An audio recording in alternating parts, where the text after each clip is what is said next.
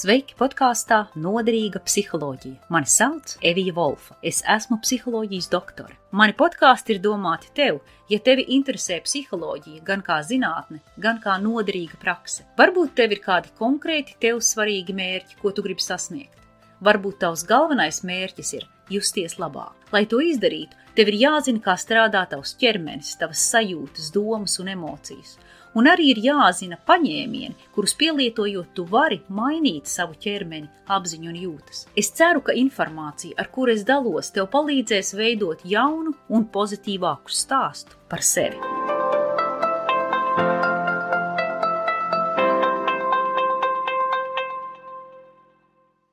Es gribu, lai ikvienam ir par brīvu pieejama informācija, kas ir svarīga gan garīgai un fiziskai veselībai, gan psiholoģiskai labsajūtai un attīstībai. Es esmu psihologs, neesmu ārsts, es neprakstu zāles vai jums konkrētu atvesaļošanās režīmu. Es dalos informācijā. Viss, par ko es runāju, ir jums pašiem jāizvērtē un jāatrod sev noderīgais. Šodien podkāstā par nervu sistēmu, kā tā strādā, kā mainās un kā mēs to paši apzināti varam mainīt. Šī informācija nāk no viena konkrēta avota, kuru jūs varat noklausīties pilnā saturā un patiešo, ja vien pietiekoši saprotat angļu valodu. Šis avots ir Andrew Huberman podkāsts ar nosaukumu How Brain Works and Changes, pirmā epizode. Podkāsts ir atrodama piemēram Google podkāstu un Spotify aplikācijā. Es piedāvāju šo informāciju latviešu, lai tā būtu pieejama vēl plašākam interesantu lokam. Ja mēs runājam par to, kā mēs jūtamies un par to, ka mēs varētu sevi kaut kā mainīt, mums vispirms ir jādomā par savu nervu sistēmu. Nervu sistēma kontrolē jebkuru citu tava ķermeņa bioloģisko sistēmu un tādēļ arī psiholoģisko labsajūtu. Nervu sistēma sastāv no galvas smadzenēm, muguras smadzenēm, savienojumiem starp šīm smadzenēm, kā arī smadzeņu savienojumiem ar orgāniem tavā ķermenī. Šie savienojumi strādā abos virzienos - no smadzenēm uz orgāniem un no orgāniem uz smadzenēm. Lai tu būtu dzīves un funkcionējošs, tev ir nepieciešama šī nepārtrauktā sazināšanās un sadarbība starp smadzenēm galvā un mugurkaulā un orgāniem ķermenī. Arī tavai imunitātei ir svarīga šī nervu sistēma, jo nervu sistēma paziņo orgāniem, kad jālaiž darbā vielas, kas atrod un apēd ienaidniekus, kā baktērijas un vīrusus. Tad, kad tev sāp vēders, tā ir tava nervu sistēma, kas rada sāpes, lai informētu tevi, ka kaut kas nav kārtībā.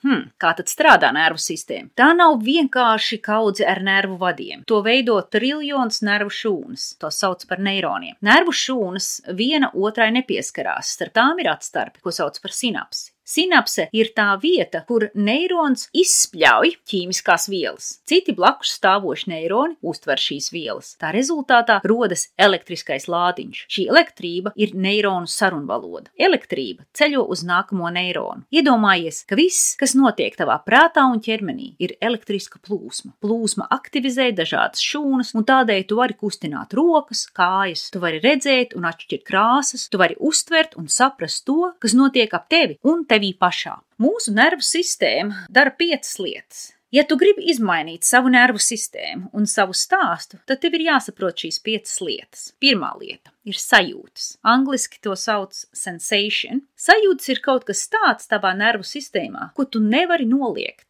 un tu to nevari ietekmēt. Neironi acīs uztver gaismu un kustības virzienu, neironi ādā uztver pieskārienu, spēcīgu, vieglu, knapi sajūtamu, neironi ausīs sajūt skaņu. Jebkuram cilvēkam ir milzīgs daudzums sajūtu receptoru. Putniem ir kaut kas, kas cilvēkiem nav. Tie sajūt magnetisko lauku un sekotam. Čūska sajūt ķermenisko siltumu, ko mēs redzam tikai ar speciālu ierīču palīdzību. Otra lieta - uztvere. Uztvere ir mūsu spēju koncentrēties uz konkrētu sajūtu. Uztvere ir kā, kā rokas baterija, kuras gaismu tu vari virzīt uz kaut ko, ko tu gribi labāk redzēt. Uztvere ir uzmanība. Tu to vari apzināti virzīt mūsu nervu sistēmas procesi ir vai nu refleksīvi, vai apzināti. Tādi, kas notiek paši no sevis, bez mūsu uzmanības, un tādi, kas prasa uzmanību un koncentrēšanos. Refleksīvās darbības prasa maz enerģiju. Piemēram, ja tu jau kaut ko māki, tu, piemēram, māki staigāt, un tu par to vairs nedomā. Apzinātās darbības prasa enerģiju. Tās ir tās darbības, kad tu mācies ko jaunu, valodu, jaunu sportu, klusēšanu, tad, kad tu gribi runāt. Tās ir tās darbības, kas notiek pēkšņi. Piemēram, tu ej pa ielu kā parasti, bet te pēkšņi ap stūri izdrāžas mašīna un tev nu jālec malā. Tā ir arī spēja koncentrēties un virzīt savu uzmanību uz jebko, ko tu izvēlies. Bet atceries, ka jebkura apzināta praktiska darbība, jebkura apzināta darbība liksies kaut kādā veidā nepatīkama, jo tā prasa enerģiju. Mūsu nervu sistēma vienmēr centīsies pārvērst apzināto darbību refleksīvajā. Dažreiz tas ir labi. Piemēram, ja tu gribi iemācīties jaunu valodu, tad, protams, tas ir ļoti jauki. Bet citreiz tas nav tik labi. Jo, piemēram, varbūt, ka tev ir kādas senas traumas, un šīs traumas ir kļuvušas refleksīvas, vai arī tu gribi, lai tevi vairāk nekaitinātu un netracinātu kaut kādi cilvēki vai kādi teikumi, ko šie cilvēki saka, bet tevī ir iekšā šie refleksi, un tu gribi no viņiem atbrīvoties. Tad, protams, tas ir sarežģīti un tas ir grūti. Trešā lieta ir emocijas, jeb jūtas. Nervu šūnas izdala ķīmiskas vielas, un ir konkrēta tipa vielas, kas lielā mērā ietekmē mūsu emocijas. Šīs vielas sauc par neironu modulatoriem. Pie tiem pieder dopamīns, serotonīns, acetilholīns un epinefrīns. Šie modulatori nosaka, kuri neironi būs aktīvi un kuri nebūs. Var iedomāties šos modulatorus kā mūzikas playlistes. Katrs modulators nosaka savu žanru vai savu kategoriju. Dopamīns ir ir saistīts ar motivācijas sajūtu, prieku un vēlēšanos darboties un kaut ko sasniegt. Serotonīns liek mums justies labi ar to, kas jau ir. Pārsvarā jūtas un emocijas nav mūsu kontrolas varā, jo tās ir refleksu vadītas. Antidepresanti tiek izmantoti un tie palīdz vai nu, lai palielinātu vai samazinātu dopamīnu un serotonīnu. Problēma ir tāda, ka palielinot vienu, palielinās otrs, un samazinot vienu, arī otrs samazinās. Lielāks serotonīna daudzums liek justies apmierināta, bet tad mums pazūd arī motivācija kaut ko darīt, un arī pazūd, piemēram, seksuālā apetīte. Ceturtā lieta - domas. Domas lielā mērā ir līdzīgas uztverei, bet atšķirība ir tāda, ka uztvere ir fokusēta tikai uz konkrēto momentu. Domas sasaista pagātni, tagadni un nākotni. Domas var būt refleksīvas, pašas nāk un iet. Domas var būt arī apzinātas. Mēs varam domas apzināti veidot un virzīt. Piektā lieta - rīcība vai uzvedība. Ko nozīmē apzināta rīcība? Apzināta rīcība ir trīs lietu analīze. Pirmkārt, darbības ilgums, otrkārt, darbības ceļš, treškārt, darbības rezultāts, jeb izvērtējums par to, kas notiks, ja tu kaut ko darīsi noteiktu laiku. Tātad ilgums, veids un rezultāts. Tad, kad tu iedarbini šo mehānismu, ilgums, veids un rezultāts, tu iesaisti darbā konkrētus neironu modulatorus, kuri ieplūst noteiktās smadzeņu daļās. Piemēram, tu esi nikns uz kādu, bet tu saproti, ka tu nedrīkst izrādīt dusmas. Tad tiek iedarbināti priekšējo smadzeņu centri. Tas prasa milzu piepūli. Pieaugušie to var, bērni to vēl nemāk. Bērniem viss ir vienkārši. Stimuls, sajūta un reakcija. Nav apzināts kontrols. Priekšējo smadzeņu centri nobriest tikai apmēram ap 25 gadiem. Tad, kad mēs mācāmies kaut ko jaunu, smadzenēs ieplūst norepinefrīns, un mūsos notiek cīņa ar nepatiku, satraukumu, kaitinošu sajūtu. Ja mēs vien gribam kaut ko iemācīties, tad mums ir jāspēj kontrolēt, jāspēj ierobežot nepatīkamās sajūtas. Mums ir arī jāsaprot, ka šīs nepatīkamās sajūtas ir nenovēršamas, ka šī spriedze ir ieejas punkts neiroplastiskumam. Kas ir neiroplastiskums? Neiroplastiskums ir tas, kā smadzenes maina savus savienojumus, savu darbību tādā veidā, ka grūti procesi kļūst viegli un refleksīvi. Tas ir pozitīvs neiroplastiskums, un tādu mēs gribam. Mēs negribam plastiskumu, kas radies ievainojumu ceļā, piemēram, traumas, fiziskas vai garīgas traumas rezultātā. Tas, ko visi cilvēki grib, ir pašu virzīts plastiskums. Bērnu smadzenes ir ārkārtīgi plastiskas, bez īpašas piepūles un bieži bez jebkādas piepūles, piemēram, bērni iemācās valodas, veids skolas darbus, sporto un tā tālāk. Ap 22, 25 gadiem šis plastiskums samazinās. Ko darīt? Tev jāuzdod pašam sev divi svarīgi jautājumi. Kuru no savas nervu šūnas aspektiem es gribu mainīt? Sajūtas, uztveri, emocijas, domas vai uzvedību? Kuras no tām es varu apzināti mainīt? Otrais.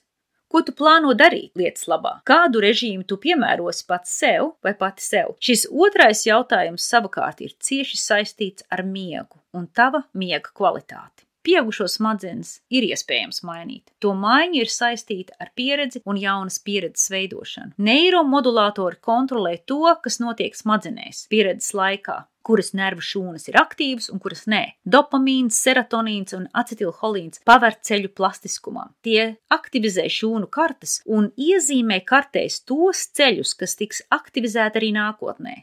Šī iezīmētā karte, šie ceļi ļauj, lai mūsu nākotnes pieredze būtu vieglāka, lai tā neprasītu tik daudz enerģijas kā pirmajā reizē. Neiroplastiskumam ir gan pozitīvā, gan negatīvā puse.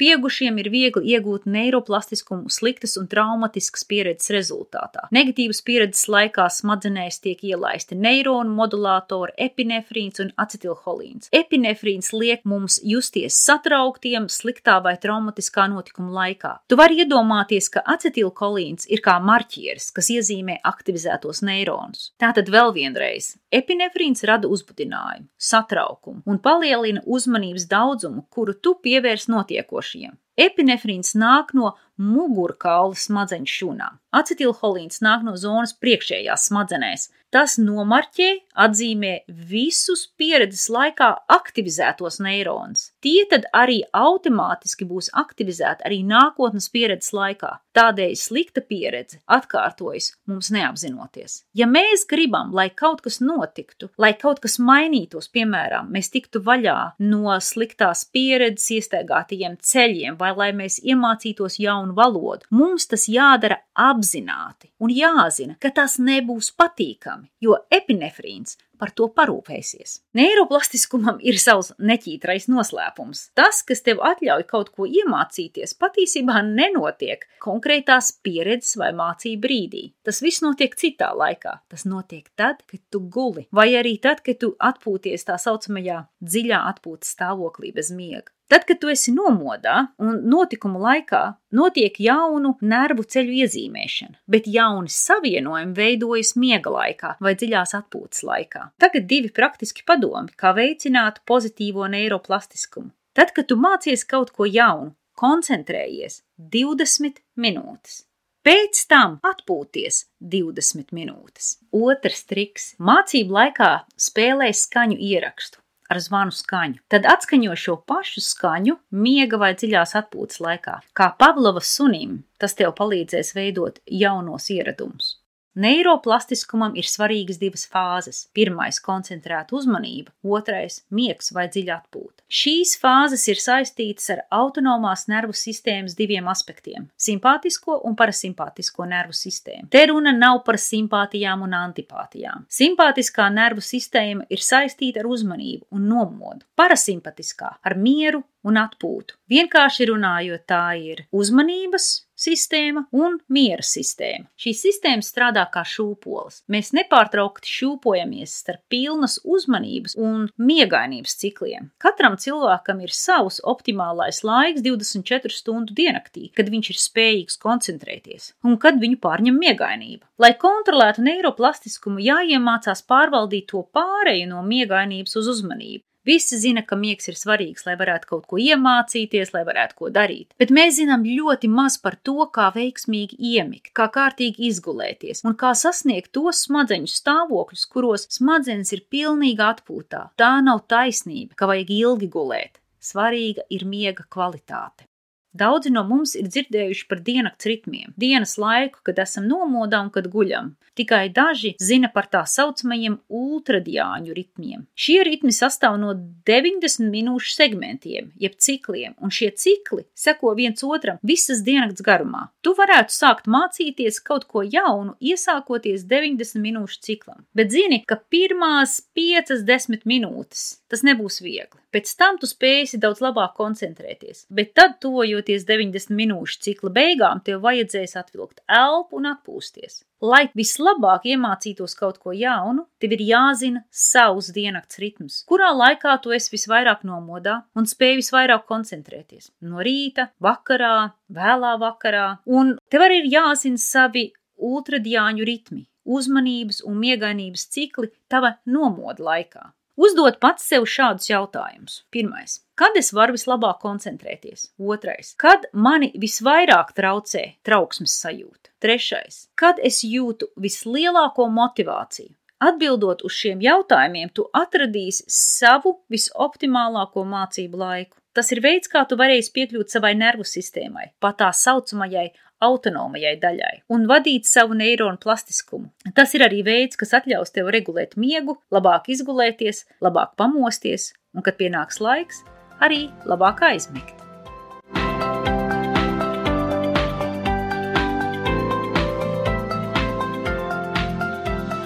Paldies, ka klausījāties! Es ceru, ka šī informācija jums noderēs. Līdz nākamajai reizei!